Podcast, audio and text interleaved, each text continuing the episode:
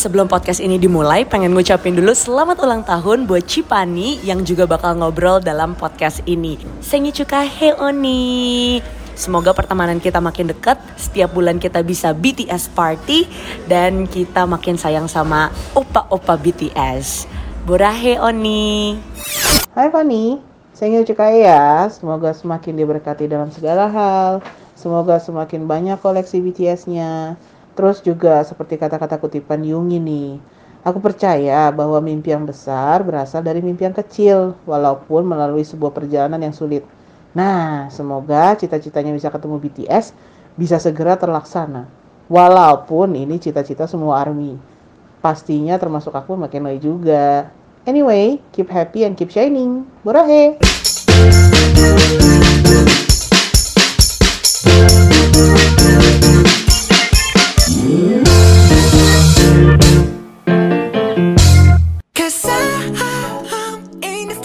Annyeonghaseyo Yorubun.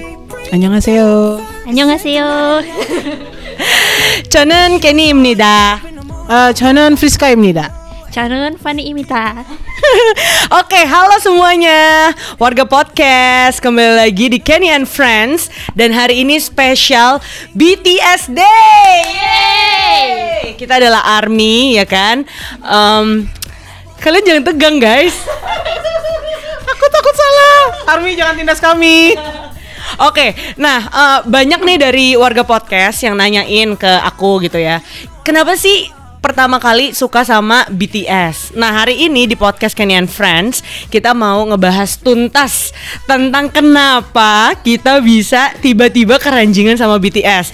Eh, sebelumnya mungkin boleh dikasih tahu eh, ibu-ibu ini ya suka BTS itu dari kapan? Hmm, kalau aku apa ya nih ya? Kalau aku dari tahun 2018 Saya suka sama BTS karena karma Kebetulan dulu nggak suka Dulu kayak apa sih BTS Kayak ah biasa aja biasa aja Tiba-tiba suka Tiba-tiba suka guys Sampai sekarang guys Gimana kalau yang satu ini? Eh, kalau aku suka BTS baru sih di era Dynamite. Berarti 2020 ya. Itu juga awalnya kayak hmm, siapa sih BTS? Kayak nggak pernah tahu mukanya aja nggak tahu. Tapi waktu itu nggak sengaja ngeliat YouTube terus ngeliat mereka pas promo Dynamite banyak interview yang di US kalau nggak salah. Itu kayak lucu gitu mereka kayak kayak lagi komedi gitu loh. Maksudnya interviewnya kayak bikin eh, aku ngakak. Terus jadi dari situ mulai suka dan mulai cari tahu siapa tuh BTS. Wow, oke. Kalau aku sendiri awalnya banget tuh aku gara-gara setiap hari di Prambors kan aku harus bacain news.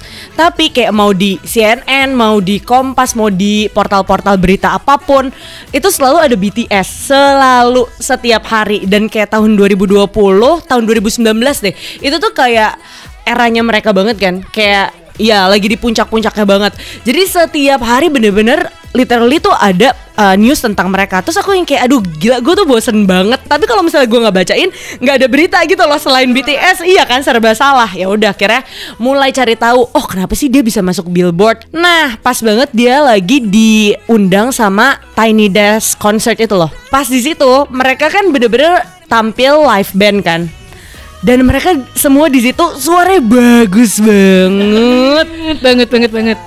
parah nah di situ aku kayak oh ternyata cowok-cowok ini yang gue pikir cuman bisa ngedance ngedance doang ternyata bisa nyanyi juga gitu. Ya udah mulai dari situ karena pandemi juga nggak ada kerjaan jadi setiap hari tuh kayak browsing tentang si BTS itu. Nah kalau Chief Rizka kan udah lama nih sukanya. Pertama kesamber itu gara-gara apa Pertama kesambar itu awalnya sebenarnya kan sukanya sama ada satu lagu dari grup lain, dari K-pop idol lain.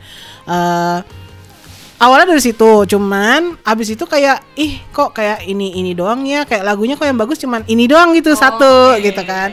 Ah coba deh cari deh Korea Korea yang lain gitu. Ketemu lagu apa? Spring Day guys. Udah tahu dong ya kan? Itu lagu pertama yang bikin kecantolnya tuh Hmm, banget. Nah, sampai akhirnya mulai dari situ kayak mulai cari-cari mereka di YouTube, terus kayak kayak denger-denger lagunya gitu. Akhirnya mulai suka. Nah, mulai sukanya awalnya tuh kayak eh kayaknya lucu nih yang ini sih. Siapa lagi kalau bukan Pak Jimin ya kan? Mulai dari situ terus akhirnya kayak mulai kenal mereka, terus kayak mulai lihat-lihat Cuman karena waktu itu sukanya sendiri ya kan, nggak punya apa sih namanya komunitasnya, sedih banget. Iya. Nah akhirnya kayak oh ya udah sebatas kayak ya udah gue suka nih, oke ya udah gitu. Sampai aku ketemu kalian guys. Jadi sukanya dipendam sendiri gitu ya. Oh, Oke oke. Nah, ini mungkin um, kita bisa ceritain gimana kita terbentuk. Kita terbentuk, waduh. Enggak. Gak, gak. Tapi emang ada satu masa di mana, ih kayaknya gue harus cari komunitas yang uh, sesama army gitu kan. Nah waktu itu aku langsung chat Ci Fani gitu kan dan langsung bilang Ci kalau ngumpul ajak-ajak dong gitu kan. Nah eh, coba Ci, Ci Fani dulu yang mungkin ceritain bagaimana kita terbentuk dan waktu itu acara pertama kita ngapain? Tiba-tiba waktu itu Kenny kayak random banget ngechat ya kayak eh, Ci ayo kumpul mungkin karena dia tahu aku suka sama apa suka sama BTS juga ya aku mah seneng banget apalagi ketemu temen yang eh, suka BTS juga jadi kayak excited banget. Ya udah kita kumpul kumpul padahal kita udah ada bertahun-tahun nggak ketemu ya Ken ya? Heeh, terus ya gara-gara BTS ini kita jadi ketemu lagi. Terus ya udah kayak heboh banget gitu loh pas pertama. Kita sebenarnya nggak tahu bakal ngapain di hari pertama. Tiba-tiba kita bikin grup ya isinya ya cuman kita aja sih nggak ada yang lain. Terus ya udah kayak eh, hari pertama ketemuan kayak ketemunya tuh kayak udah kayak akrab banget gitu. Padahal sebenarnya kita Iya, padahal kita bertiga tuh emang jarang ketemu, ya. tapi sekalinya ketemu ngebahas BTS tuh kayak langsung nyambung banget dan kayak nggak habis-habis guys bahasannya guys, Iya. Terus ya udah kita ngapain ya? Oh kita main quiz, kita karaoke, terus kita nonton konser-konser mereka kayak dari jam berapa ya? Dari jam 12 siang sampai hampir 12 malam kayaknya. Iya nggak sih? Iya, paling itu sih yang hari pertama di mana kita debut. Itu 2000 2020 Desember ya? Oke, jadi 2020 dari Desember itu kita tuh kayak setiap bulan ketemu dan ini bulan Februari berarti udah pertemuan kita ketiga ya. Ini hari ini kita merayakan ulang tahun dari Hobi salah satu personil dari BTS atau biasa dikenal dengan J-Hope gitu kan. Nah, sebenarnya aku pengen nanya ini sih, kenapa sih eh, bisa sesuka itu sama BTS gitu. Apa yang bikin kalian tuh ngena ya walaupun mungkin lagu-lagunya enak, tapi alasan dibalik itu gitu. Mungkin ada lirik-liriknya yang mengung, menggung, meng, apa sih? Menggugah, menggugah. Nah, coba. Jadi gini sebenarnya kalau misalkan dibilang kenapa sih suka sama BTS ya sebenarnya kalian harus lihat perjuangannya mereka dari nol juga sih. Even itu bukan saudara kita, bukan tetangga kita ya, kita juga nggak kenal ya kan. Tapi yang jelas eh, kayak bikin kita tuh jadi kayak semangat buat ngelakuin sesuatu gitu. Maksudnya eh, mereka aja iya benar, maksudnya termotivasi kalau mau ngelakuin apa-apa. Jadi dinilai dari situnya aja sih, jangan dinilai dari "Ih, plastik tahu apa sih plastik?" Kayak nggak jelas banget ya, udah basi ya kayak gitu-gitu ya. Males. Nah, kalau kamu Enggak dong. Mereka kan plastik, guys. Say no to Say no. Kalau kamu?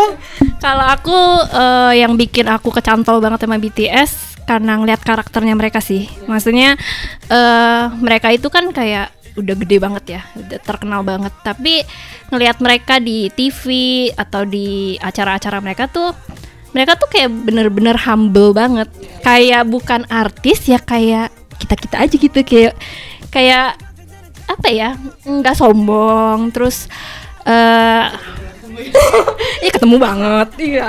Maksudnya apa ya? Walaupun kita yang denger aja nggak ngerti bah- bahasa mereka gitu, tapi kayak aku ngerasa kalau dengerin suara mereka aja tuh, ih kok kayaknya nempel banget di hati ya, kayak relate banget gitu ya, kayak kayak sahabat, kayak saudara sendiri. Karena mungkin mereka kalau ngelakuin sesuatu tuh pakai hati. Jadi kita juga pas dengerin juga kayaknya ngena banget nih gitu. Di situ sih karakter mereka yang aku suka banget. udah kayak mendalam banget ya kalau ngomongin karakter ya. Tapi kalau aku sendiri bener banget tadi yang kayak Chief Rizka bilang kayak perjuangan mereka dari awal gitu. Uh, aku kan kebetulan ya bisa dibilang army baru gitu ya, baru tahun 2020. Tapi setelah kayak melihat pas mereka debut di tahun 2013 itu kayak sedih banget awal-awal nggak ada yang suka mereka apa namanya TV-TV tuh pada kayak anggap remeh mereka gitu kan tapi uh, along the years gitu kayak mereka bisa buktiin kalau eh gue tuh eh boy band yang bisa membuktikan kalau berpotensi gitu kan. Nah selain itu adalah lagu-lagunya sih kayak lagu-lagunya kalau misal kamu cari translate-nya ke bahasa Inggris itu lagu-lagunya bener-bener kayak menyemangati gitu.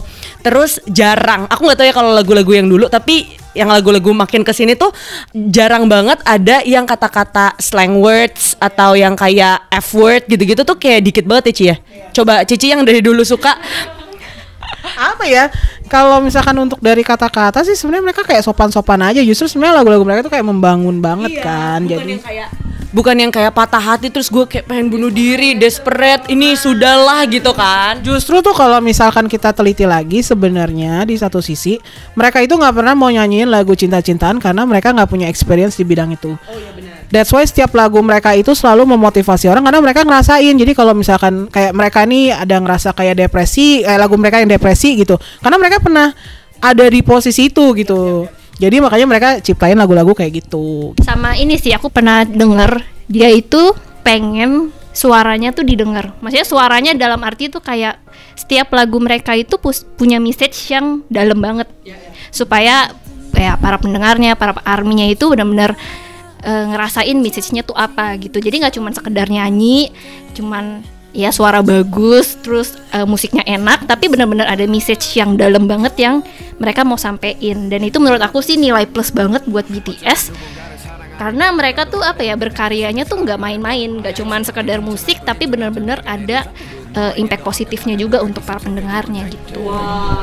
Luar biasa sih. tapi aku merasa mereka itu mulai ya mungkin dari dulu kayak message-nya juga udah bagus tapi yang bener-bener ngena buat aku adalah yang pas uh, love yourselves itu sih. Kayak bener-bener ya soalnya menurut aku sekarang itu mental health kan penting banget dan aku kalau nontonin kayak film-film mereka tuh banyak banget yang terbantu dengan lagu-lagunya BTS gitu kan.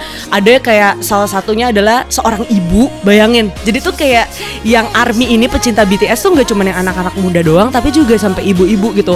Sampai si ibu-ibu ini cerita kayak gue tuh sempat stres karena kayak mom syndrome gitu loh. Nah cara dia melewati hari-harinya tuh dengan dengerin lagu-lagu BTS gitu loh. Gila banget kan? Jadi em, itu sih yang kena banget. Nah aku pengen nanya adalah tanggapan orang-orang di sekitar kalian. Soal gini once lo menjadi em, ya army atau pencinta K-pop biasa lo tuh jadi pecinta yang kayak militan aka agak kayak ngeganggu ya.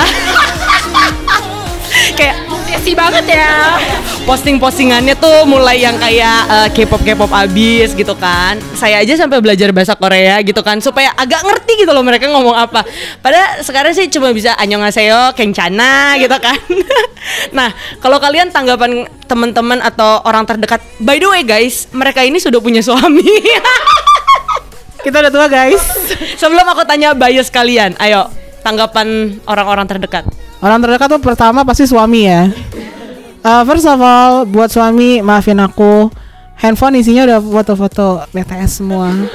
Terus juga kayak screensaver ya kan, terus uh, lock screen itu juga udah Pak Jimin semua gitu. Tapi so far sih sebenarnya suami sih support as long as nggak s- nggak ganggu dan segitu gracie-nya gitu. Maksudnya kayak sampai dari pagi sampai malam dengerin lagu BTS. Tapi nggak kayak gitu. Enggak dong. Iya, kadang-kadang. Kadang-kadang guys, ya kan.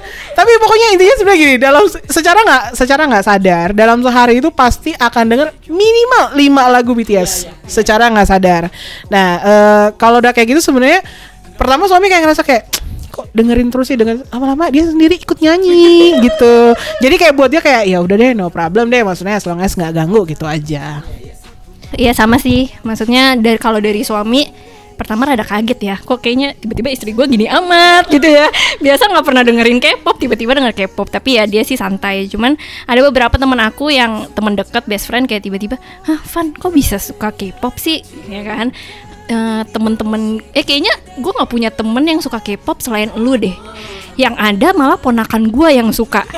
Ya kan? Terus ada teman kantor juga yang bilang hah kamu suka K-pop? Ya kan? Itu ponakan aku loh yang baru SD baru SMP maksudnya eh, kok bisa sih kayak mereka kaget gitu? Ya aku juga juga kaget sih. Seumur umur juga baru kali ini aku ngefans sama eh, idola kayak musik gitu ya si BTS ini dan kalau tadi Kak Friska bilang sehari lima lagu mohon maaf nih. Saya minimal 5 jam. Kalau di kantor ya udah pasti eh, harus denger playlistnya ya BTS terus pulang kerja ya BTS lagi. Ya gimana ya? Maksudnya kayak bener-bener nggak bisa lepas gitu ya. Ini udah lagi puncak-puncaknya aku kayak nggak bisa lepas sih. Eh, aku bahkan pernah jadi waktu itu lagi di kantor. Justru kalau di kantor tuh kesempatan kan. Jadi kan kayak me time gitu. Orang kalau di kantor kerja kalau kita kayak me time gitu kan. Jadi supaya suami nggak bosan, pertama kali muncul lagu Life Goes On. Ingat dong. Guys, aku denger sampai kayak 35 kali guys di kantor guys, Life Goes On. Nah sekarang kita reveal dong bias kita siapa Tadi Cici udah agak sedikit bocorin Iya, aku Pak Jimin. Pak Jimin Kalau Cici aku Kim Taehyung Tete Jadi gini guys, aku tuh kalau ditanya bias agak bingung karena bisa berbeda setiap hari. Nggak, tapi pengen dimiliki gitu ya kita tuh udah sampai halu di tingkat yang kayak "Eh, boleh nggak sih pacaran? Oh ya Ci, ini aku reveal di sini ya. aku agak malu sih. Suami jangan Tan. Ah, jangan deh. Dia yang malu. Aduh, gue takut nih. Nggak, nggak, nggak. Pas aku kiss sama pacar aku, aku bayanginnya muka Jin. oh. Ya bibirnya bagus sih. Sampai waktu itu kan aku pernah Aku aduh Aku pernah ini kan kayak review lagunya yang pas Life Goes On Yang pas MV-nya keluar. Itu kan bibirnya Jim tuh kayak Dia sorot banget gitu kan. Ya Allah aku sampai ulang-ulang bibirnya tau gak sih kayak Fokusnya ke bibir parah parah parah. Ya nggak sehat Tolong coba aku jangan nonton Jangan guys, army yang lain jangan ngikutin ya. Gila, tapi kehaluan itu bukan punya- eh, bukan kita doang ya. Tapi semuanya juga halu sampai yang kayak ingin memiliki. adalah di titik army di mana kayak halunya sampai segitunya gitu Sebenarnya halunya pada mirip-mirip sih kayak kita pasti. Ya kan pengen kayak ih kayak cium dia ih rasa ini gitu. Rasa apa tuh, Ci? Rasa yang yang satu ini gitu. Wah, luar biasa ini sih nggak bakal ada habis-habisnya ya kalau kita ngomongin BTS ya kan dan semoga pertemanan kita yang dipersatukan oleh BTS ini akan berlanjut terus ya kan. Ini ini jam berapa ya by the way? Oh, ini baru jam 3, guys. Dan rencananya kita sampai jam 3 pagi ya. Karena pokoknya hari ini kegiatan kita adalah menghias eh, kuenya J-Hope ya kan walaupun ya J-Hope-nya juga nggak tahu gitu loh kalau kita lagi rayain ulang tahun dia gitu Entah lagi ngapain juga gitu kan dia nggak peduli. dinner kita hari ini apa Eh, kita bakal Korean barbekyuan ya. Wis. Oh iya, tadi kita juga makan jajangmyeon karena kan hari ini ulang tahunnya J-Hope. Iya. jadi- Ya, yang banyak umur jawab apa kita ya? Makan mie kita sampai rempong-rempong semua loh Guys, kalau kalian mau tahu, hari ini banjir guys. Kita tetap hadapi banjir ini untuk ketemu. Jadi tuh kita bener-bener setiap hari eh, chattingan, setiap hari ngirimin kayak konten-konten gitu walaupun ya kita adalah army-army kere ya. Oke, tapi untuk yang terakhir kalinya, ini buat teman-teman yang mungkin sekarang tuh masih underestimate K-pop. Jadi gini, kita bukan K-popers, kita adalah army. Jadi kayak bener-bener kita army garis keras gitu. Kita nggak dengerin yang lain selain BTS. Iya lagi. lain. Mohon maaf nih yang lain ya, bukannya nggak mau denger, cuman ya nggak bisa aja gitu. ngejelekin. Iya ya ya ya ya banyak yang oke juga tapi emang waktu kita habis sama BTS aja. Iya lagi bener juga ya. Oke, jadi buat eh, teman-teman di luar sana yang masih underestimate K-pop, terutama BTS, Cici mau kasih pesan apa dan lagu apa yang harus pertama kali didengar selain Dynamite ya, selain Dynamite. Karena Dynamite itu udah kayak ya pasti harus dengerin. Dan orang mau nggak mau, suka nggak suka pasti pernah denger Dynamite. Eh, buat teman-teman yang masih kurang mungkin mandangnya gimana apa sih BTS apa sih BTS it's okay nggak apa-apa cuman eh, ada baiknya eh, iya dong ya kan cuman ada baiknya kalian coba eh, sedikit-sedikit aja dengerin kalau misalkan memang eh, gimana ya kita juga sebenarnya satu sisi kita juga nggak suka ngejelekin K-pop K-pop idol lain tapi coba aja denger kan nggak ada salahnya. Ibaratnya juga kan supaya kenal dunia luar juga gitu kan. Eh, terus eh, satu pesan nih tunggu dulu nih buat army garis keras nih. Guys jangan sampai ngabisin duit berlebihan juga ya guys tetap pada jalur yang benar aja itu pesan-pesan buat Army dan kalau untuk lagu eh, aku saranin untuk pertama kali denger daripada denger yang langsung heboh-heboh coba deh dengerin yang lagu aku bilang tuh lagu Spring Day mulai dari Spring Day terus juga lagi mikir ya eh, antara lagu Spring Day atau enggak ya lagu Life Goes On ya. Kalau mungkin Life Goes On udah sering lah, pasti udah pernah denger lah. Tapi kalau Spring Day coba deh dengerin pasti kayak menyentuh kolbu guys. ya kan? Kalau aku kalau lagu pertama kali yang bikin aku nyeh banget gitu pas denger eh, ya Spring Day ya sama kalau yang sedikit rada kenceng itu Not Today.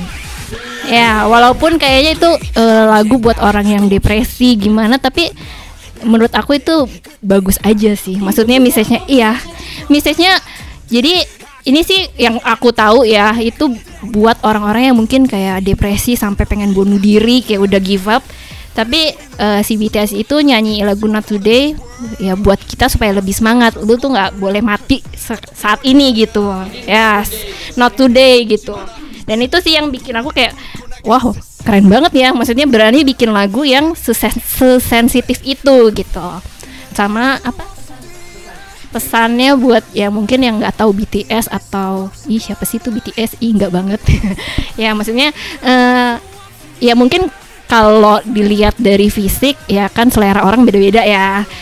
Ya aku paling cuman eh, nyaranin coba aja denger lagu-lagunya deh ya kan.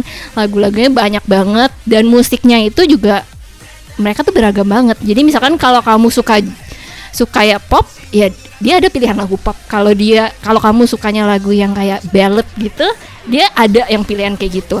Atau mau yang EDM dia pun ada. Jadi maksudnya eh, pilihan lagunya tuh banyak dan meaningnya tuh bagus-bagus banget. Jadi setidaknya pasti adalah satu dua lagu yang kamu bisa ngerasain feelnya gitu. Itu sih. Karena waktu itu eh, yang aku tahu BTS tuh pernah ngomong di salah satu interview apli konser gitu ya. Dia bilang eh, kalian tuh nggak perlu kayak suka deh sama BTS-nya tapi setidaknya eh, kita maunya tuh BTS eh, message yang BTS kasih itu nyampe ke kamu gitu. Maksudnya itu kayak berarti di apa ya aku ngelihat BTS tuh nggak kayak semata-mata lu harus suka gua lu harus suka gua gitu. Maksudnya nggak apa-apa orang-orang tuh nggak suka sama BTS-nya tapi setidaknya message yang mereka sampaikan setidaknya kalian dapetin gitu. Wow. aku apa ya? Sebenarnya lagu-lagu yang menurut aku dance-nya terus lagunya asik itu Fire, terus udah gitu DNA sama Mic Drop lah banyak jadinya. terus yang pas Mic Drop itu juga aku berasa keren banget karena Nah, Mic Drop itu lagu buat haters guys. Jadi buat haters-haters, please denger. Mereka bukan sombong loh, tapi mereka mau ngasih tahu kalau mereka itu bisa sampai sebegininya tuh ya eh, karena kerja keras mereka gitulah. Eh by the way satu lagi yang tadi pengen aku kasih tahu juga. Aku tuh belajar banyak karakter itu dari BTS juga. Salah satunya adalah kayak minta maaf. Ya kan karena mereka sama ini enggak. Selama ini aku kayak keras kepala. gitu ya. Tapi kadang-kadang aku suka kayak inget scene-scene di mana kayak ya kalau mereka salah mereka tuh minta maaf gitu-gitu kan. Jadi banyak yang bisa dipelajarin gak cuman kayak dari lagunya doang gitu kan. Ya udah guys, kita udah panjang nih. aku udah bilang kalau misal ngobrolin BTS tuh nggak bakal ada habisnya gitu kan. Jadi buat teman-teman eh, maafin ya kalau misalnya sosial media kita dari kemarin itu sampai nanti nggak tahu kapan. Maksudnya rada kaget kita bertubi-tubi gitu postnya Dan tenang aja kalau misalnya kalian mau join ke klub kita nggak bisa ya. Gak bisa. Ini tertentu dan mahal banget guys. Lebih mahal dari membernya Army di officialnya. Parah-parah. Ya udah deh kalau gitu eh, Ci tutup dong. Oke kita tutup dengan eh, kalau kalian pada nontonan BTS kita sama-sama ya. Cari orang Bangtan.